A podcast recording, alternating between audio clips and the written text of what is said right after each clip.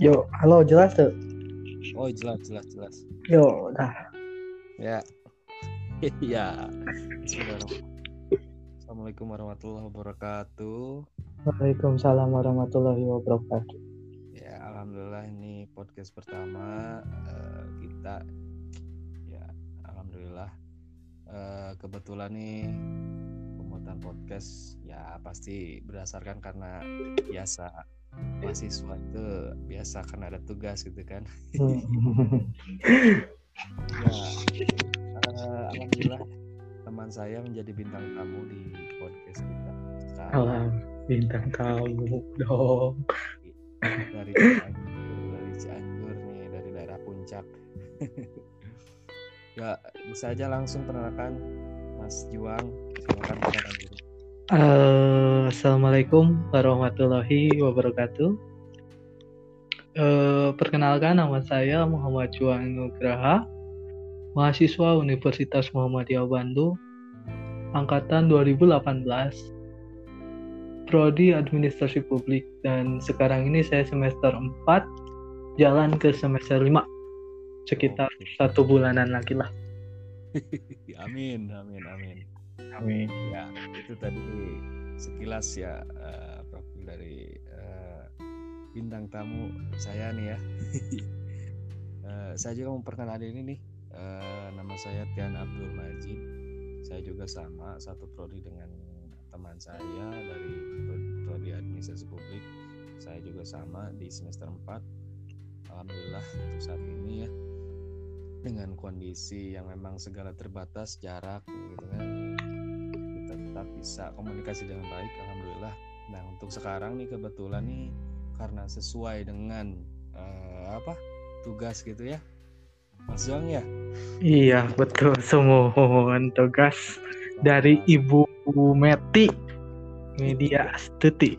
Ah, ya gitu kan. Kebetulan pembahasan untuk sekarang ini mengenai eh, coronavirus yaitu ya lebih tepatnya di kita di kondisi sekarang yaitu new normal gitu ya kan? Ya ya kita tahu kan di masyarakat berbagai pandangan gitu ya mengenai mengenai apa COVID-19 ini kemudian new normal ini kan kehidupan baru ini. Hmm, di pola hidup baru sekarang gitu kan ya banyak eh, masyarakat berspekulasi. Namun kita kan sebagai mahasiswa nih kan mungkin ya akan sedikit memberikan gambaran gitu kan sebagai kita mahasiswa dalam eh, menyikapi new normal ini gitu ya Iya, Mungkin betul. dari apa pandangan dari akang atau akang emas atau apa ini AA juang, juang, juang. Biasa ya, juang, juang. Biasa aja, Nah. Iya dari Bang ini mungkin tanggapan mengenai ya new normal saat ini gitu ya. Hmm. Ya, dari saya sendiri ya tentang konsep pemerintah yaitu new normal. Iya ya. eh, sebagai ma- mahasiswa kita harus mempersiapkan diri, mempersiapkan mental untuk menghadapi new normal ini. Iya ya betul betul. Karena kita akan berhadapan dengan kebiasaan baru, aturan baru, kayak biasanya kita bisa nongkrong rame-rame, kumpul-kumpul tanpa perlu pakai masker dan jaga jarak. Tapi mungkin sekarang kita sudah gak bisa kayak gitu mungkin ya. Iya betul sih. harus jaga jarak dari memperhatikan protokol kesehatan Ya betul. mencegahnya penyebaran virus ini. Mungkin eh, saya bahas dulu ya mungkin kenapa adanya new normal ini bisa dibilang untuk penyembuhan faktor ekonomi di Indonesia ini mungkin ya Oh iya iya betul Betul. betul. karena banyaknya perusahaan-perusahaan yang berhenti karena adanya waktu kemarin itu apa namanya pembatasan skala besar ya PSBB PSBB iya PSBB itu PSBB. sehingga menyebabkan banyaknya karyawan yang dirumahkan Hmm betul betul. banyak pula karyawan yang di PHK Hmm. yang menyebabkan sektor ekonomi di Indonesia itu menurun pesat ya anjlok ya hancur Hmm. Ya memang Nah. betul sih. Ya ya ya. Iya betul sih termasuk termasuk orang tua saya juga kan memang bekerja di Hmm. perusahaan gitu ya di pabrik perusahaan memang itu eh, terdampak juga jadi kalau hampir dua mingguan itu dirumahkan gitu orang tua saya juga Hmm. Nah, gitu. ya bisa dibayangkan ya dari seluruh Indonesia ini mungkin kalau semuanya diberhentikan bagaimana ekonomi ya dari pemasukan pemakanan pangan entah dari apa pun sampai ekspor impor pun diberhentikan ya Hmm. karena ini pandemi global mungkin ya Ya, ya, betul. Seluruh dunia hampir hampir kena ini semua, semua hampir semua negara kena. Hmm. Ya gitu. Nah, dari situ mungkin Indonesia menyepakati bahwa karena lebih parah ekonomi jika ekonomi unlock jika ekonomi Indonesia hancur akan lebih parah sehingga Indonesia mungkin memutuskan adanya new normal ini ya. Hmm, ya betul. Nah, Jadi bahan pertimbangan ya bagaimana kalau jadi serba salah juga kan kalau memang benar-benar iya. gitu kan. Ya ya Kemudian faktor ekonomi itu kan menjangkut ke seluruh faktor dari politik, kriminal meningkat, Ya, ya, ya. kekerasan lah banyak kayaknya dari ekonomi itu kan ya. Ya. Nah, dari situ munculnya lah konsep new normal ini. Hmm. Terus kita selaku mahasiswa harus bisa beradaptasi dengan konsep new normal ini. Ya, dengan keadaan sekarang ya. Mm-mm. Serta harus mengajak masyarakat yang lain agar patuh terhadap pemerintah, Hmm. Ya, ya. ya kan? Ya, ya betul. Sebagai aktivis pemegang masa depan mahasiswa itu, ya. Ya, ya betul. Jadi selain kita juga memberikan apa edukasi kepada masyarakat yang memang ya memang belum tahu gitu ya kepada masyarakat yang belum tahu gitu bahwa bahayanya ketika kita eh, untuk kondisi sekarang ini kan berkumpul dalam kelompok besar gitu kan ya. Iya. Nah, ya gitu kan ya salah satu cara gitu itu itu salah satunya meng- mengedukasi masyarakat juga gitu ya. Mm-mm. Ya, gitu. kemudian ya mungkin dari saya nih ya mungkin Iya. ini normal ini eh, sebetulnya memang ada apa sisi positif dan sisi negatifnya juga gitu buat buat sebagian mahasiswa gitu ya kalau dilihat dari sudut pandang berbeda gitu ya kalau Dari eh, eh, gitu menurut saya ini menurut saya gitu Ah. Hmm. ya kalau eh, saya sih eh, pandangan ketika ini kan otomatis kalau new normal ini kan social distancing tapi untuk iya. saat ini saya rasa untuk program masih tetap tidak bisa berjalan gitu kan ya Iya. ya masih masih saja apa sih perlu eh, apa adanya jaga jarak gitu kan ya Mm, jaga jarak. sebagian mahasiswa memang ada yang bilang bahwa ah, ini tuh apa ya dengan adanya distancing ini ada yang memang jenuh gitu kan terhadap keadaan saat ini gitu kan Mm-mm. tapi kan sebagian mahasiswa juga ada yang memang memang ya memang perlu kan kalau memang eh, ini kan demi keamanan gitu kan ya Iya. keamanan Aman. eh, kesehatan para mahasiswa Pencegahan. ya gitu saya sih gitu jadi gitu Mm. ya paling seperti itu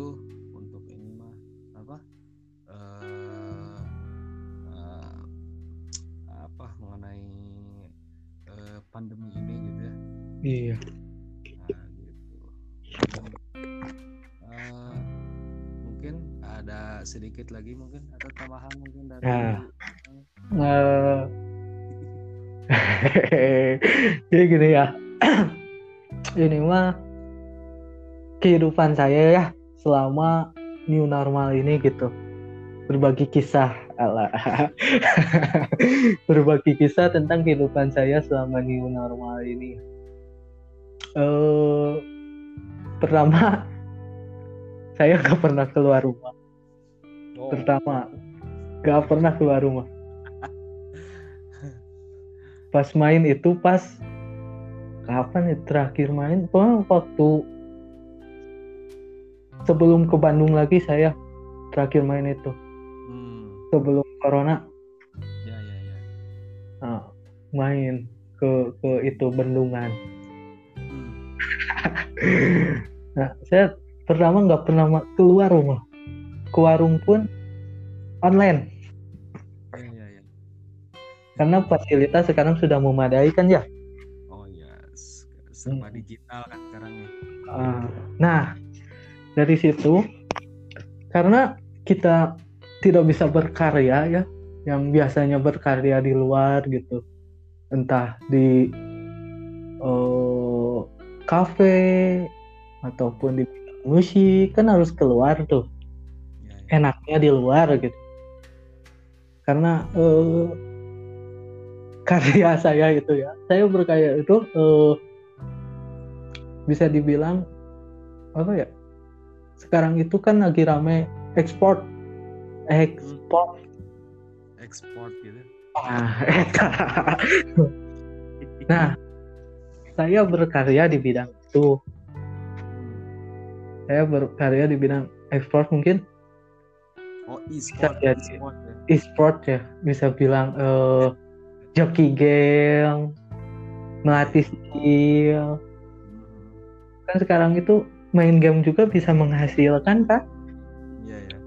dari melontarkan dari hasil permainan kita diupload ke YouTube Hmm. dapat entah dari live streaming di Facebook atau di lain dapat entah jadi joki game dapat Nah. Itulah salah satu aktivitas saya ya berkarya di rumah sebagai mahasiswa mungkin yang emang saya itu bisa dibilang mahasiswa yang nggak terlalu aktif. Males keluar tetapi sebagai masyarakat mungkin kita harus tetap bersosialisasi Iya ya ya. keluarga lah minimal ya Ya betul. Oh, Nah, salah satu kegiatan saya itu ya gitu. Skill saya di bidang game, Tian. Nah, dari Kang Tian gimana keseharian selama aktivitas new normal ini? Karyanya berkarya di bidang apa? Hey.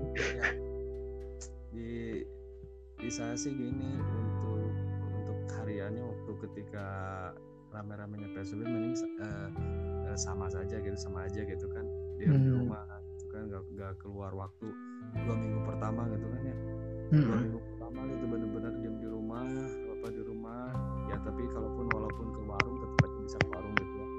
Mm-mm. Ya, memang daerah Ajasari waktu itu cuman berapa cuman eh, berapa orang yang positif dua satu dua orang kalau nggak salah. Nah Mm-mm. waktu itu waktu ke, tahu dua orang ada yang positif eh, perasaan tuh kan bener-bener bener-bener takut gitu. Aduh berarti daerah saya udah udah kena nih. Nah, diam aja di rumah. Tapi berjalannya waktu PSBB mulai mulai longgar gitu kan. Longgar. Nah dari sana saya mulai berani keluar. Saya mulai, mulai, mulai berani keluar sosialisasi dengan masyarakat. Kebetulan karena eh, tidak ada gak, gak- gak ada kegiatan saya coba eh, bersosial gitu kan. Coba saja yang kurang di masyarakat walaupun memang dalam kondisi eh, COVID-19 ini kan Hmm. tentu tidak tidak lupa tidak lepas dari protokol kesehatan ya saya coba sosialisasi dengan aparatur pemerintah gitu seperti desa gitu jadi alhamdulillah coba mengembangkan walaupun dengan kondisi saat ini saya coba produktif saya coba eh, bersosial yaitu dengan apa eh, aktif di organisasi.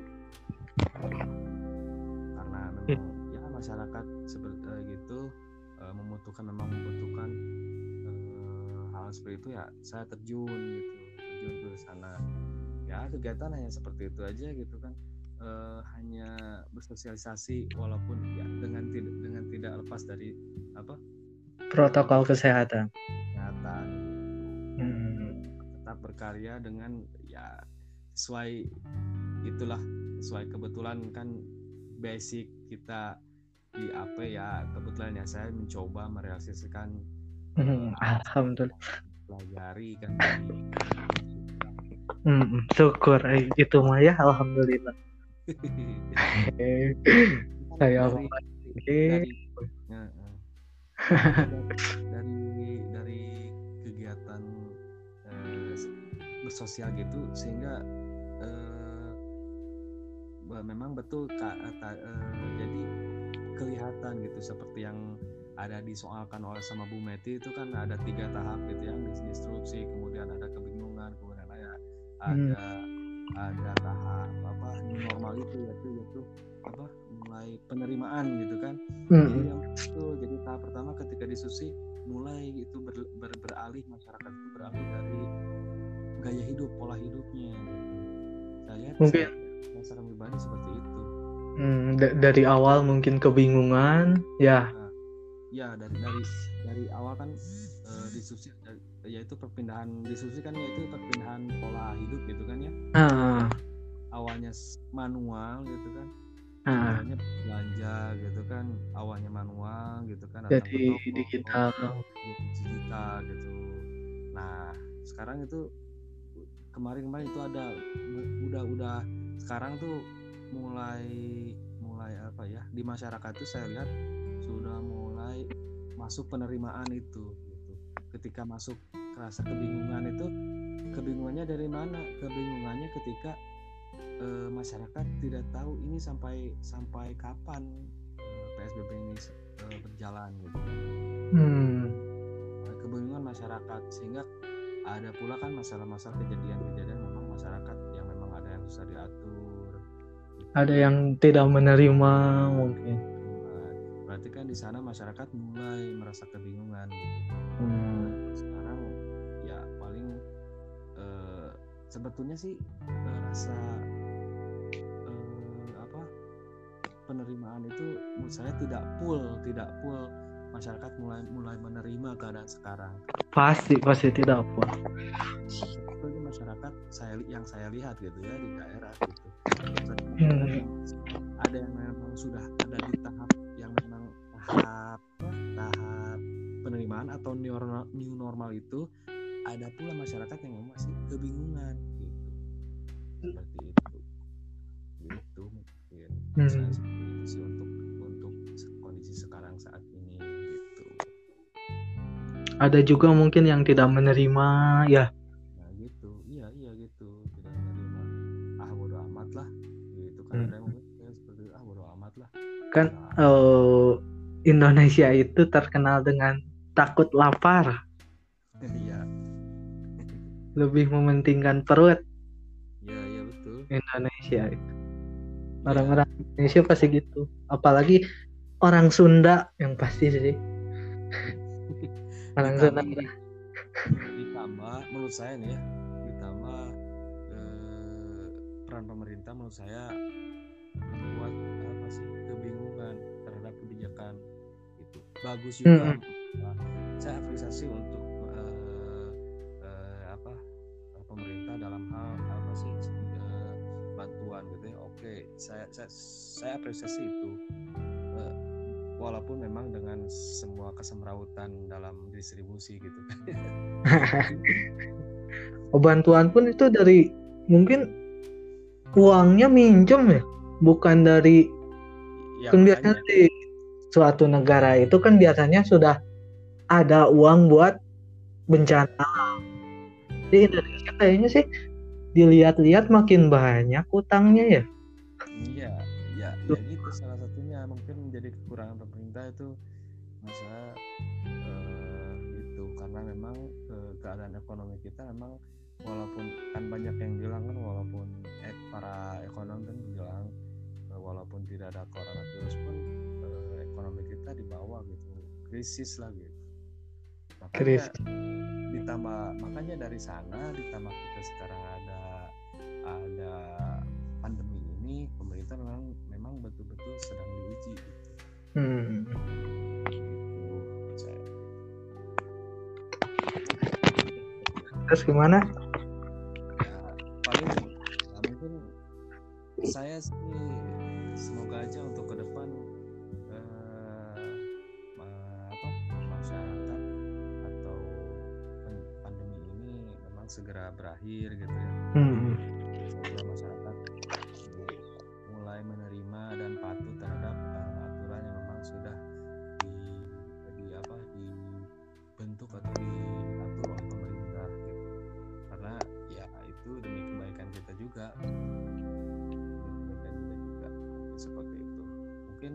pesan-pesan dari akang atau dari Mas Juang nih gimana nih? Ya mungkin saat new normal ini memang perlu diperhatikan ya bagi warga masyarakat. Karena kondisi di Indonesia ini belum pulih total. Walaupun sudah diberikan new normal ini sudah dilonggarkan sedikit. Ya ya ya. Jadi yang kita bisa itu mungkin hanya mengikuti aturan pemerintah. Sama protokol kesehatan itu harus tetap dijaga. Ya ya betul. Ya. Eh, kita harus bisa membuat kondisi di Indonesia ini mungkin bisa pulih. Seperti kayak di Cina sendiri kan? Di Cina sendiri wah itu penanganan COVID itu luar biasa itu nah mungkin seribut se- seribet apa pun ini semua balik lagi buat kebaikan kita semua hmm. ya kesehatan kita semua yang mungkin pasti warga-warga masyarakat juga pengen kita menang melawan COVID ini. ya ya Ya stay at home, jaga kesehatan, ikuti peraturan pemerintah, ikuti protokol kesehatan. Itu saja sih. Iya iya. Oke makasih banyak ya. Ah, Kak ah.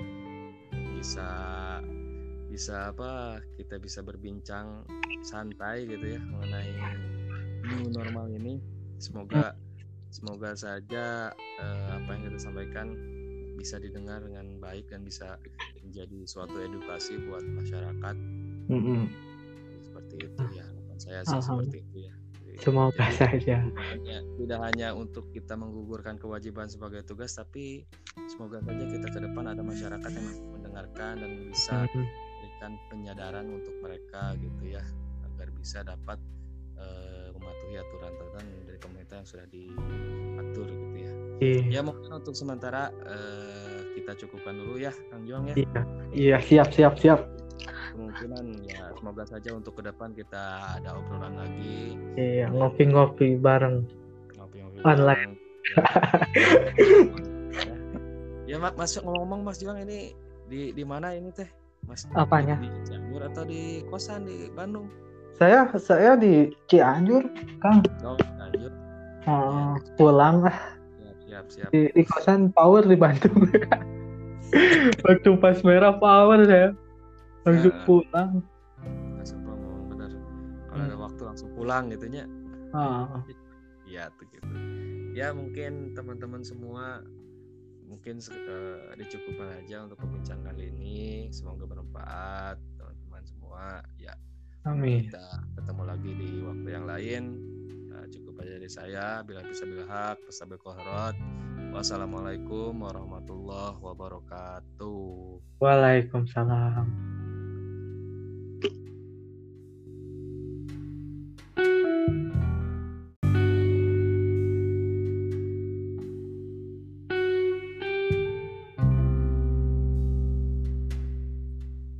Ya. Yo, halo jelas tuh. Oh jelas jelas jelas Yo, dah. ya ya.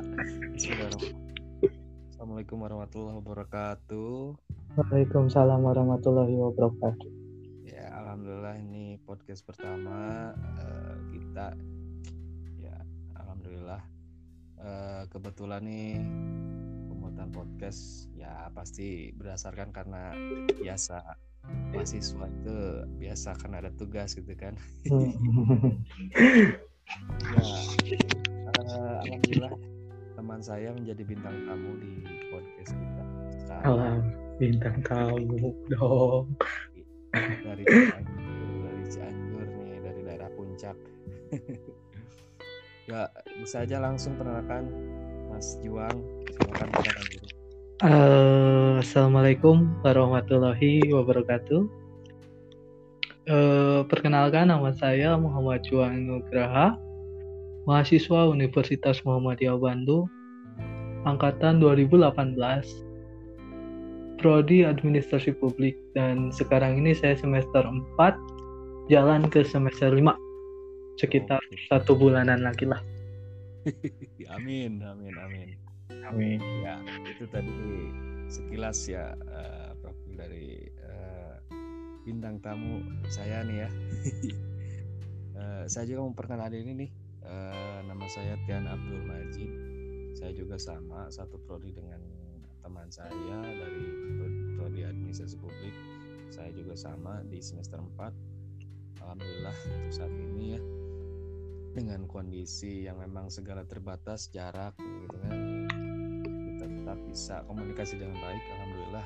Nah untuk sekarang nih kebetulan nih karena sesuai dengan eh, apa tugas gitu ya Mas Zong ya? Iya betul. Semua tugas dari Ibu Meti Media Astuti. ya gitu kan. Kebetulan pembahasan untuk sekarang ini mengenai eh, coronavirus yaitu ya lebih tepatnya di kita di kondisi sekarang yaitu new normal gitu ya kan.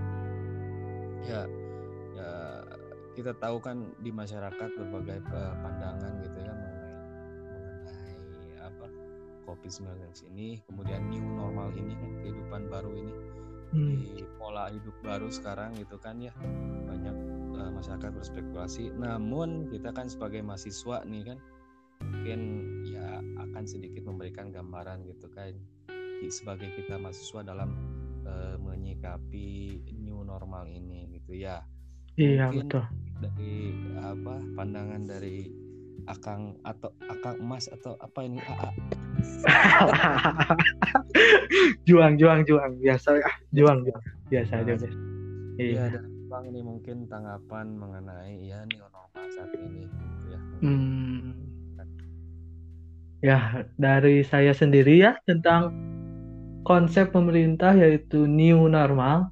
Iya ya. eh, sebagai ma- mahasiswa kita harus mempersiapkan diri, mempersiapkan mental untuk menghadapi new normal ini. Ya ya betul betul. Karena kita akan berhadapan dengan kebiasaan baru, aturan baru, kayak biasanya kita bisa nongkrong rame-rame, kumpul-kumpul tanpa perlu pakai masker dan jaga jarak. Tapi mungkin sekarang kita sudah gak bisa kayak gitu mungkin ya. Iya betul harus jaga jarak dari memperhatikan protokol kesehatan Ya betul. mencegahnya penyebaran virus ini. Mungkin eh, saya bahas dulu ya mungkin kenapa adanya new normal ini bisa dibilang untuk penyembuhan faktor ekonomi di Indonesia ini mungkin ya Oh iya iya betul Gitu. betul.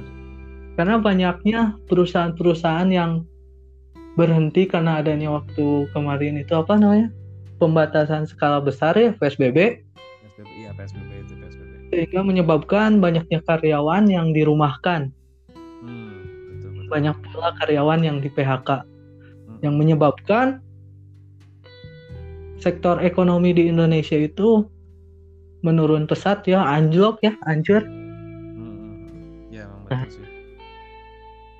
Ya ya ya. Iya betul sih termasuk termasuk orang tua saya juga kan memang bekerja di Hmm, perusahaan gitu ya di pabrik perusahaan memang itu eh, terdampak juga jadi kalau salah hampir dua mingguan itu dirumahkan gitu orang tua saya juga hmm. nah gitu. ya bisa dibayangkan ya dari seluruh Indonesia ini mungkin kalau semuanya diberhentikan bagaimana ekonomi ya? Dari pemasukan pemakanan pangan entah dari apa pun sampai ekspor impor pun diberhentikan ya? Hmm. karena ini pandemi global mungkin ya? Ya ya betul. Hampir hampir kena ini semua semua hampir semua negara hmm. ya gitu. Nah dari situ mungkin Indonesia menyepakati bahwa karena lebih parah ekonomi jika ekonomi unlock jika ekonomi Indonesia hancur akan lebih parah sehingga Indonesia mungkin memutuskan adanya new normal ini ya. Hmm, ya betul Nah, jadi, bahan pertimbangan ya bagaimana kalau jadi serba salah juga kan kalau memang benar-benar iya. gitu kan Ya, ya Kemudian faktor ekonomi itu kan menjangkut ke seluruh faktor dari politik, kriminal meningkat, ya ya ya kekerasan lah banyak kayaknya dari ekonomi itu kan ya. ya Nah, dari situ munculnya lah konsep new normal ini. Hmm, Terus kita selaku mahasiswa harus bisa beradaptasi dengan konsep new normal ini. ya dengan keadaan sekarang ya. Mm-mm. Serta harus mengajak masyarakat yang lain agar patuh terhadap pemerintah, Hmm, ya ya ya kan? ya ya betul Sebagai aktivis pemegang masa depan mahasiswa itu, ya. Ya, ya betul. Jadi selain kita juga memberikan apa edukasi kepada masyarakat yang memang ya memang belum tahu gitu ya kepada masyarakat yang belum tahu gitu bahwa bahayanya ketika kita eh, untuk kondisi sekarang ini kan berkumpul dalam kelompok besar gitu kan ya. Iya. Ya, ya gitu kan ya salah satu cara gitu itu itu salah satunya meng- mengedukasi masyarakat juga gitu ya. Ya, gitu. kemudian ya mungkin dari saya nih ya mungkin Iya. new normal ini eh, sebetulnya memang ada apa sisi positif dan sisi negatifnya juga gitu buat buat sebagian mahasiswa gitu ya kalau dilihat dari sudut pandang berbeda gitu ya kalau Dari eh, eh, gitu menurut saya ini menurut saya gitu Ah. Hmm. ya kalau eh, saya sih eh, pandangan ketika ini kan otomatis kalau new normal ini kan social distancing tapi untuk iya. saat ini saya rasa untuk program masih tetap tidak bisa berjalan gitu kan ya Iya. ya masih masih saja apa sih perlu eh, apa adanya jaga jarak gitu kan ya Mm, jaga jarak. sebagian mahasiswa memang ada yang bilang bahwa ah, ini tuh apa ya dengan adanya distancing ini ada yang memang jenuh gitu kan terhadap keadaan saat ini gitu kan Mm-mm. tapi kan sebagian mahasiswa juga ada yang memang memang ya memang perlu kan kalau memang eh, ini kan demi keamanan gitu kan ya Iya. Aman. eh, kesehatan para mahasiswa Pencegahan. ya gitu saya sih gitu jadi gitu Mm. Iya, paling seperti itu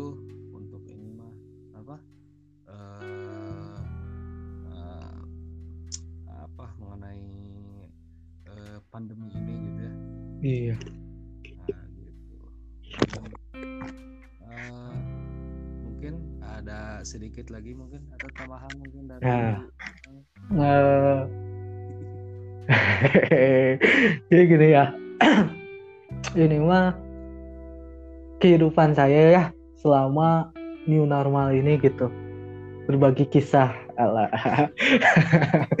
berbagi kisah tentang kehidupan saya selama new normal ini. Eh pertama saya nggak pernah keluar rumah. Oh, Pertama nggak pernah keluar rumah. Pas main itu pas kapan ya terakhir main? Pokoknya waktu sebelum ke Bandung lagi saya terakhir main itu sebelum corona ya ya ya. nah, main ke ke itu bendungan. Hmm, Nah saya pertama nggak pernah keluar rumah. Ke warung pun online ya ya ya. karena fasilitas sekarang sudah memadai kan ya. Oh ya, s- serba digital kan sekarang ya. Ah, nah, dari situ karena kita tidak bisa berkarya ya yang biasanya berkarya di luar gitu. Entah di uh, kafe ataupun di musik kan harus keluar tuh. Ya, ya. enaknya di luar gitu. Karena uh, karya saya itu ya. Saya berkarya itu uh, bisa dibilang apa ya? Sekarang itu kan lagi rame ekspor ekspor ekspor gitu. Nah, nah saya berkarya di bidang itu. Saya berkarya di bidang ekspor mungkin? Oh e-sport ya. E-sport ya bisa bilang uh, joki game melatih skill. Hmm. kan sekarang itu main game juga bisa menghasilkan kan yeah, yeah. entah dari melontarkan dari hasil permainan kita diupload ke YouTube. Hmm. ya dapat. Entah dari live streaming di Facebook atau di lain dapat. Entah jadi joki game dapat. Nah itulah salah satu aktivitas saya ya berkarya di rumah sebagai mahasiswa mungkin. Yang emang saya itu bisa dibilang mahasiswa yang nggak terlalu aktif males keluar tetapi sebagai masyarakat mungkin kita harus tetap bersosialisasi. Ya, ya, ya. keluarga lah minimal ya, ya oh, oh, oh. nah salah satu kegiatan saya itu ya gitu. Skill saya di bidang game Kian nah, dari Kang Kian gimana keseharian selama aktivitas new normal ini karyanya berkarya di bidang apa? Hey. Di di saya sih gini untuk untuk karyanya waktu ketika rame-ramenya PSBB mending uh, sama saja gitu sama aja gitu kan di hmm. rumah gitu kan gak, gak keluar waktu dua minggu pertama gitu kan ya hmm. dua minggu pertama gitu benar-benar diam di rumah apa di rumah ya tapi kalaupun walaupun ke warung bisa ke warung gitu ya hmm. memang daerah Ajasari waktu itu cuma berapa cuman uh, berapa orang yang positif dua satu dua orang kalau nggak salah nah hmm. waktu itu waktu ke, tahu dua orang ada yang positif uh, perasaan kan benar-benar benar-benar takut gitu aduh berarti daerah saya udah udah kena nih hmm. Diam aja di rumah. Tapi berjalannya waktu PSBB mulai mulai longgar gitu kan. Mm. longgar. Nah dari sana saya mulai berani keluar. Saya mulai, mulai berani keluar sosialisasi dengan masyarakat. Kebetulan karena eh, tidak ada gak, gak, gak ada kegiatan saya coba eh, bersosial gitu kan. Coba apa saja yang kurang di masyarakat. Walaupun memang dalam kondisi uh, COVID-19 ini kan hmm. tentu tidak tidak lupa tidak lupa dari protokol kesehatan. Ya saya coba sosialisasi dengan aparatur pemerintah gitu seperti desa gitu. Jadi alhamdulillah coba mengembangkan walaupun dengan kondisi saat ini saya coba produktif saya coba uh, bersosial yaitu dengan apa uh, aktif di organisasi. Karena memang ya masyarakat seperti uh, gitu uh, membutuhkan memang membutuhkan uh, hal seperti itu ya saya terjun gitu terjun ke sana. Ya kegiatan hanya seperti itu aja gitu kan. Uh, hanya bersosialisasi walaupun ya dengan tidak dengan tidak lepas dari apa protokol kesehatan. kesehatan hmm.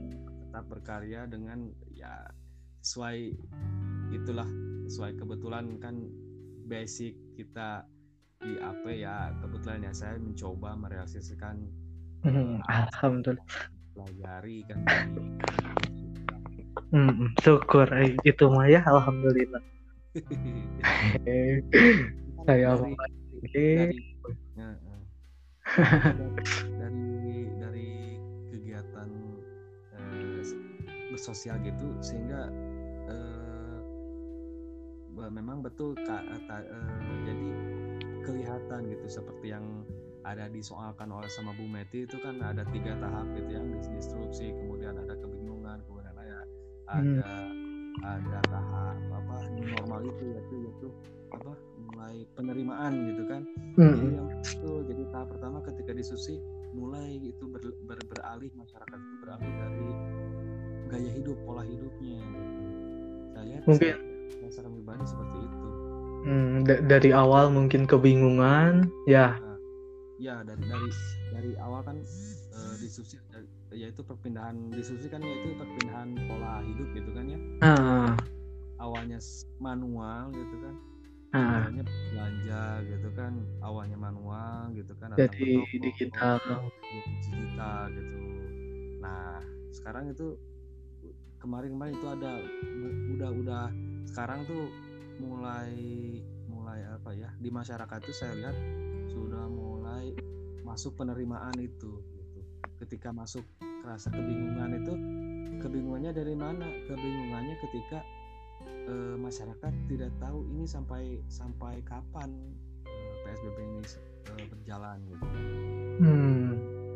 kebingungan masyarakat sehingga ada pula kan masalah-masalah kejadian-kejadian memang masyarakat susah diatur ada yang tidak menerima mungkin berarti kan di sana masyarakat mulai merasa kebingungan gitu. hmm. sekarang ya paling uh, sebetulnya sih rasa uh, apa penerimaan itu menurut saya tidak full tidak full masyarakat mulai mulai menerima keadaan sekarang. Pasti pasti tidak full itu masyarakat saya yang saya lihat gitu ya di daerah gitu. Hmm. ada yang memang sudah ada di tahap tahap tahap penerimaan atau new normal, new normal itu ada pula masyarakat yang masih kebingungan gitu. Seperti itu. Gitu mungkin. Hmm. seperti itu sih untuk ada juga mungkin yang tidak menerima ya nah gitu iya iya gitu tidak menerima ah bodo amat lah gitu kan hmm. ada yang mungkin seperti ah bodo amat lah kan nah, uh, Indonesia itu terkenal dengan takut lapar. Iya. Lebih mementingkan perut. Iya, iya betul. Indonesia itu. Orang-orang ya. Indonesia pasti gitu. Apalagi orang Sunda yang pasti sih. Orang Sunda. Ditambah menurut saya nih ya, ditambah eh, peran pemerintah menurut saya membuat apa sih kebingungan terhadap kebijakan bagus juga hmm.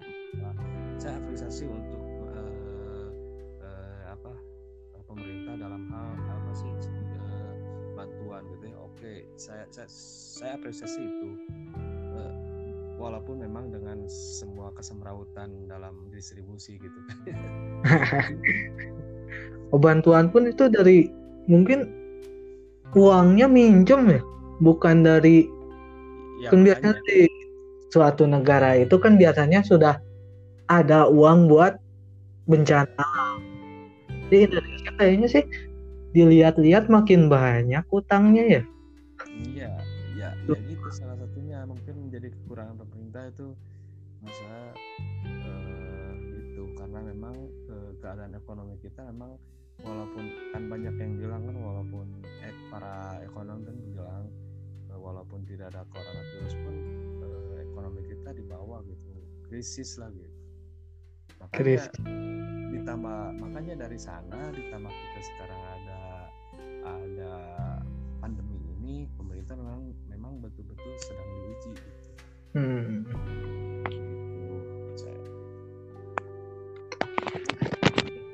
Terus gimana? Ya, paling ya mungkin saya sih semoga aja untuk ke depan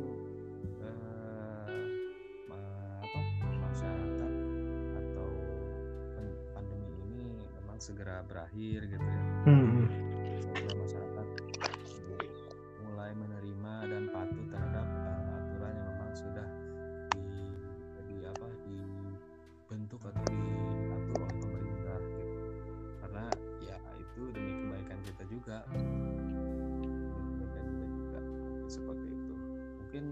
pesan-pesan dari Kang atau dari Mas Juang nih gimana nih? Ya mungkin saat new normal ini memang perlu diperhatikan ya bagi warga masyarakat karena kondisi di Indonesia ini belum pulih total walaupun sudah diberikan new normal ini sudah dilonggarkan sedikit Ya ya ya. jadi yang kita bisa itu mungkin hanya mengikuti aturan pemerintah. Sama protokol kesehatan itu harus tetap dijaga. Ya ya. Betul. Ya Eh, kita harus bisa membuat kondisi di Indonesia ini mungkin bisa pulih.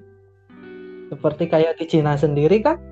Di Cina sendiri wah itu penanganan COVID itu luar biasa itu nah mungkin seribut se- seribet apa pun ini semua balik lagi buat kebaikan kita semua Hmm. Ya, kesehatan kita semua ya mungkin pasti warga-warga masyarakat juga pengen kita menang melawan COVID ini ya ya. ya stay at home, jaga kesehatan, ikuti peraturan pemerintah, ikuti protokol kesehatan. Itu saja sih. Iya iya, oke, makasih banyak ya, ah. Iwan. Bisa bisa apa? Kita bisa berbincang santai gitu ya mengenai new normal ini. Semoga semoga saja eh, apa yang kita sampaikan bisa didengar dengan baik dan bisa menjadi suatu edukasi buat masyarakat. Mm-mm. Seperti itu ya, harapan saya sih seperti itu ya. Semoga Jadi, saja. hanya, tidak hanya untuk kita menggugurkan kewajiban sebagai tugas tapi semoga saja kita ke depan ada masyarakat yang mendengarkan dan bisa Mm-mm. memberikan penyadaran untuk mereka gitu ya agar bisa dapat eh, mematuhi aturan-aturan dari pemerintah yang sudah diatur gitu ya Iya, ya mungkin untuk sementara eh, kita cukupkan dulu ya Kang Jong ya iya, iya, siap, siap, siap. Kemungkinan ya semoga saja untuk ke depan kita ada obrolan lagi Iya, ngopi-ngopi bareng. ngopi-ngopi Online. bareng. ya, ya Mak, Mas ngomong-ngomong Mas Juang ini di di mana ini teh Mas Apanya? di Cianjur atau di kosan di Bandung Saya saya di Cianjur, Kang. oh Cianjur Oh, pulang lah siap siap siap di, di kosan power di Bandung. Waktu pas merah power saya langsung Ah. pulang. langsung ngomong bener kalau ada Hmm. waktu langsung pulang gitu nya Ah, ya tuh gitu ya mungkin teman-teman semua mungkin eh, dicukupkan aja untuk perbincangan kali ini semoga bermanfaat teman-teman semua ya amin. kita ketemu lagi di waktu yang lain cukup aja dari saya. Bila bisa bila hak pesabil wassalamualaikum warahmatullahi wabarakatuh. Waalaikumsalam.